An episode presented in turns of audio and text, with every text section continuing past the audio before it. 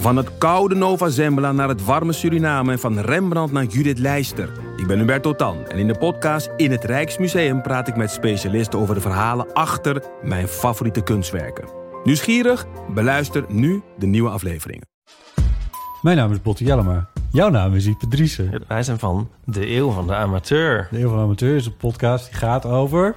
Alles. Het is een eh, podcast over levenskwesties die je niet kunt googlen. Een soort licht neurotische blik op het leven. Het is een podcast met humor.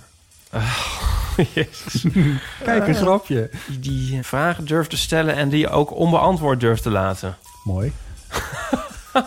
met een regenboogvlagje. Dat, dat noem je queerbot. Dat uh, regenboogvlagje, dat klinkt echt als een soort... Uh, ik bedoel, iedereen is welkom. Kom ons luisteren in je favoriete podcast-app.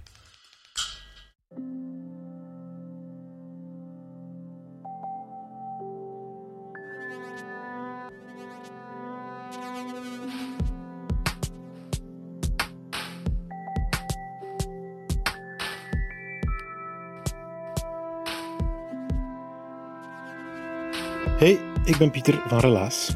In Relaas hoor je waargebeurde verhalen en die worden verteld door de mensen die ze zelf hebben meegemaakt. We gaan luisteren naar Marilyn. Het is een verhaal van een jeugdzonde. Ja, zonde is een groot woord. Eh, het is een geheim dat Marilyn al heel lang met zich meedraagt en waarover ze in deze aflevering enkele sluiers oplicht.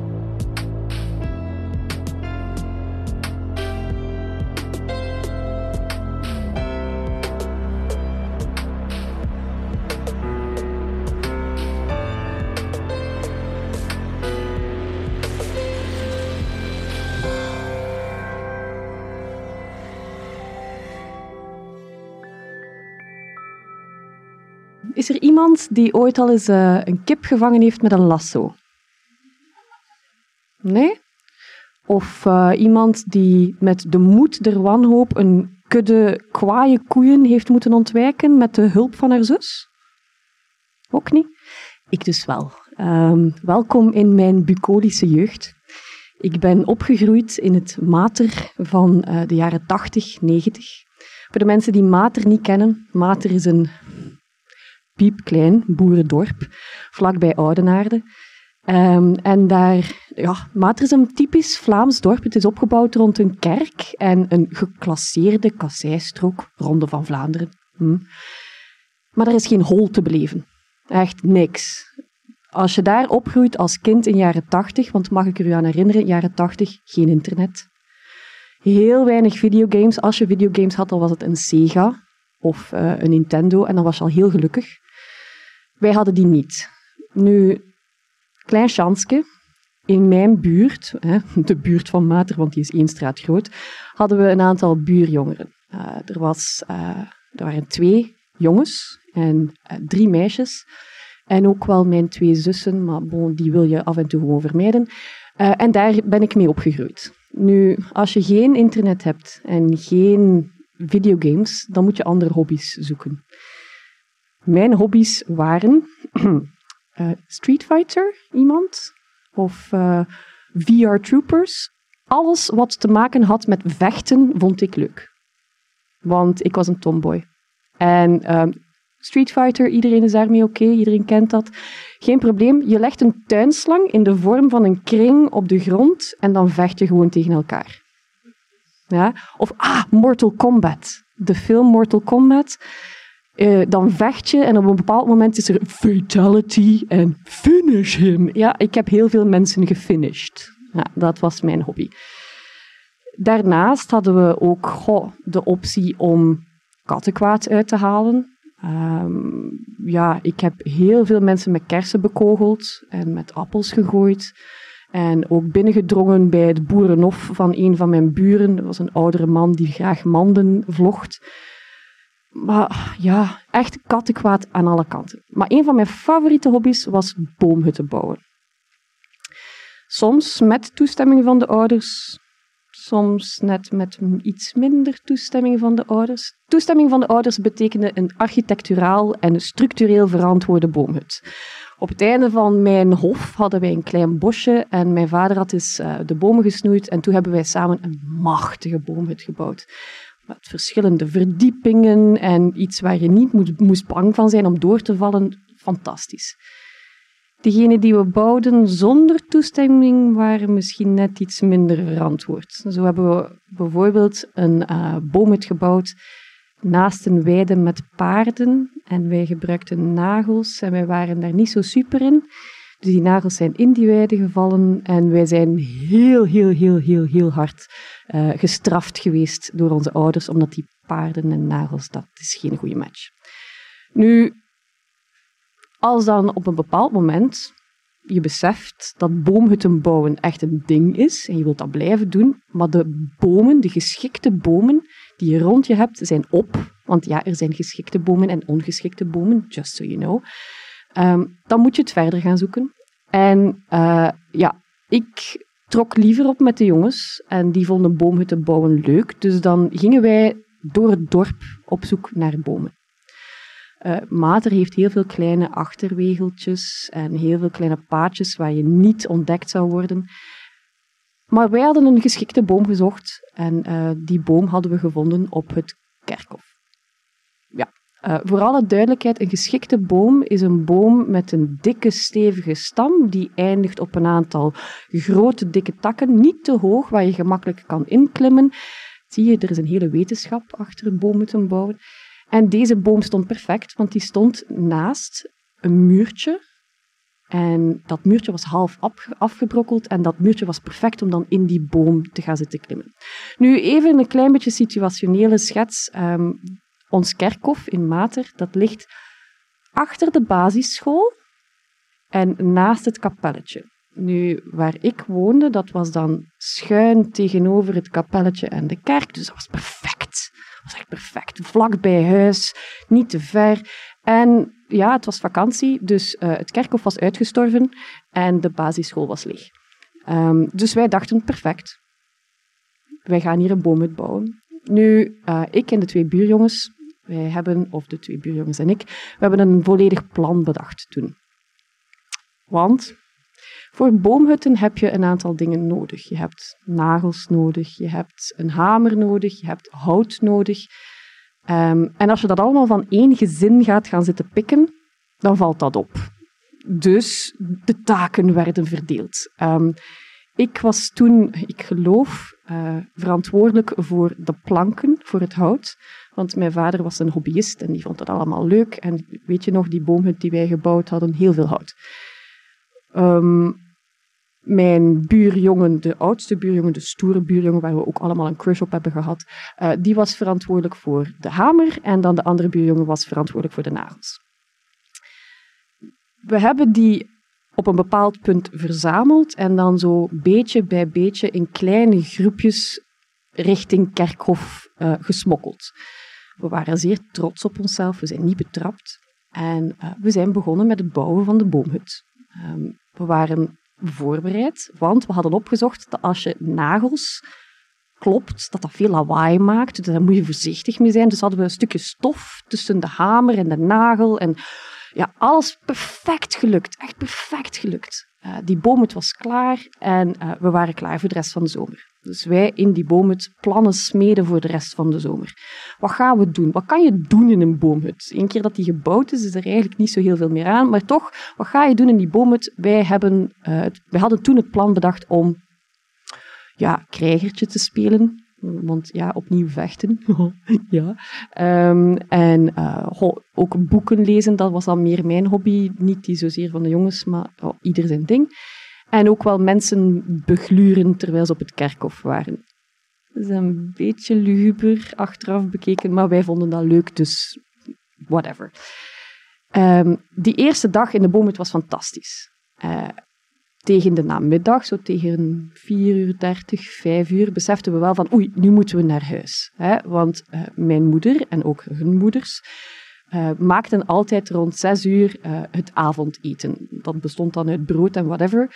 En als we niet op tijd waren, mijn moeder had een, een bel hangen, echt een hele grote koebel. En als die koebel begon te rinkelen, dan wisten we al dat we in de problemen zaten, want wij moesten naar huis. Dus we wouden vermijden om in de problemen te zaten op de dag van onze boomhut.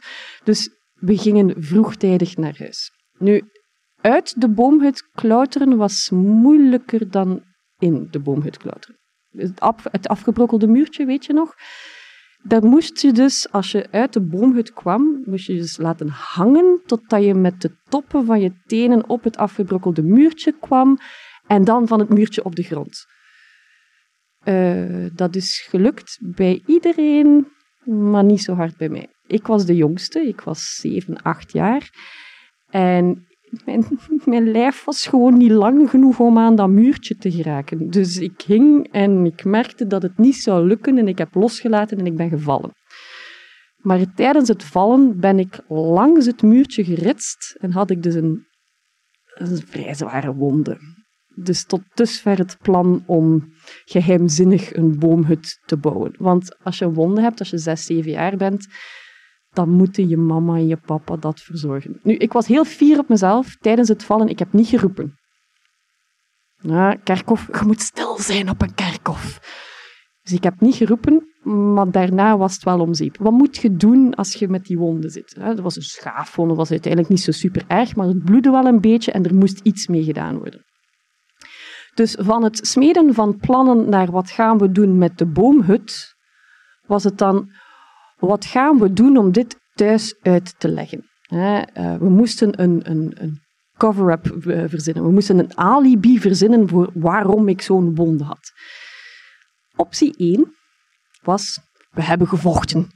Ja, ja, we hebben gevochten en ze heeft daar pijn gedaan was eigenlijk een zeer goede en valabele optie. Um, maar in mijn hoofd een schaafvonden en vechten, dat is een match. Een blauwe plek en een blauw oog, ja, al wat je wilt. Maar een schaafvonden, nee. Dus in mijn hoofd was dat niet goed genoeg. Optie 2. Ik ben met mijn fiets gevallen. Ook een zeer valabele optie, want ik ben zeer slecht in fietsen. Uh, alle botten die ik in mijn lijf gebroken heb, zijn ooit met fietsen gebeurd. Dus het was een zeer, zeer goede optie. Maar in mijn zeven à achtjarige brein was dat niet goed, want ik was niet met de fiets vertrokken, dus mama zou dat weten. Dus nee, fiets is out. Optie drie, mijn optie, ik had die verzonnen. Hè. Optie drie was, ik ben gevallen van de schommel en het touw van de schommel is geschuurd langs mijn zij en heeft zo een schaafwonde veroorzaakt. Ik dacht, dat is de beste optie. Achteraf bekeken whatever. Maar bon, eh, dat, dat is de beste optie. Ik kies voor die leugen, want die kan ik zonder blozen vertellen thuis. Ik ben zeer slecht in liegen, voor alle mensen die hier aanwezig zijn. Ik kan het niet, maar ik was er ten volle van overtuigd dat ik dat zou kunnen. Nu, we waren een, een beetje in paniek, maar we hebben wel nog het verstand van geest gehad van eerst naar de tuin van de buurjongens te gaan, waar een heel grote schommel stond, daar nog een half uurtje te schommelen. En ik heb daar een val gefaked met echt alle finesse van de beste actrice in de wereld in mijn hoofd. En ik ben verzorgd door de buurvrouw, want die geloofde dat. Hè. Um, en toen, toen was het eigenlijk altijd. Uh, dus ik moest naar huis. En ik, ik ben dan thuisgekomen en. Oh, mama, ik heb mijn pijn gedaan en kijk. En, en ik ben van de schommel gevallen. En mijn ouders op dat moment hebben gekozen, ik ben ervan overtuigd, gekozen om mij te geloven. Twee opties, ofwel niet geloven en voortvragen en dan iets te horen krijgen wat je niet wil horen, ofwel geloven en het is oké, we kunnen eten en that's it. Nu, achteraf bekeken was dat niet de beste leugen, maar die is wel doorgegaan. Dus ik dacht, fijn. Maar dan de rest van de zomer was voor mij het plezier van die boomhut, die was er wel een beetje vanaf. Ik was bang geworden, ik wou niet opnieuw vallen. Dus die boomhut is zo'n beetje een vergetelheid geraakt die zomer. En de volgende zomer, ja, we waren allemaal een jaar ouder en de oudste jongen begon plots meisjes te ontdekken en dan met die, jongen, die andere buurjongen alleen was het niet meer zo plezant. Dus die boomhut is eigenlijk nooit meer gebruikt. Maar, jaren later, ik was aan het studeren aan de Universiteit Gent. En die boom, ik had er geen jaren meer aan gedacht. Uh, maar mijn moeder belt. Nu, dat is geen losstaand feit. Mijn moeder belt elke week. We bellen elke week wel over onnozeliteiten. Maar op dat moment belde ze en had ze een verhaal. En het verhaal was... Er zijn kindjes van de basisschool betrapt op het bouwen van een boomhut in het kerkhof of op het kerkhof en ze zijn gestraft. Ah, is het echt? Oh, oh, vertel meer. Ja, ja, ze hebben een boomhut gevonden en die kindjes waren daar aan het spelen en ze hebben die ondervraagd, maar niemand wou zeggen wie die gemaakt had. Ik dacht bij mijn eigen, ja, natuurlijk niet. Die kinderen kunnen dat niet zeggen, want die kinderen hebben dat niet gemaakt. Ik hoop dat ze ze enigszins gerenoveerd hadden. Hè. Daar is 12, 13 jaar over gegaan en dat is gewoon een hoop verrotte planken. Maar dus die kindjes hebben niks verteld en gezwegen, omdat ze niks konden vertellen. Nu, ik had de optie. Ofwel zeg ik het tegen mijn moeder, van ho, dat is mijn boomhut. Of ik hou mijn leugen vast. Ik heb die vastgehouden. Maar dus bij deze, mama, papa, sorry, ik heb die boomhut gebouwd en dat litteken op mijn zijkant is niet van de schommel.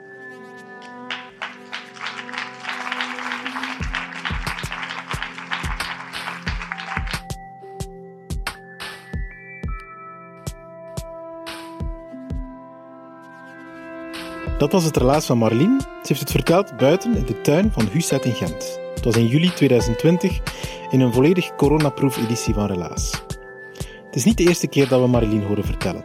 Want heel lang geleden, ik denk dat in 2015 was, heeft ze al eens een verhaal verteld tijdens een Relaas-editie.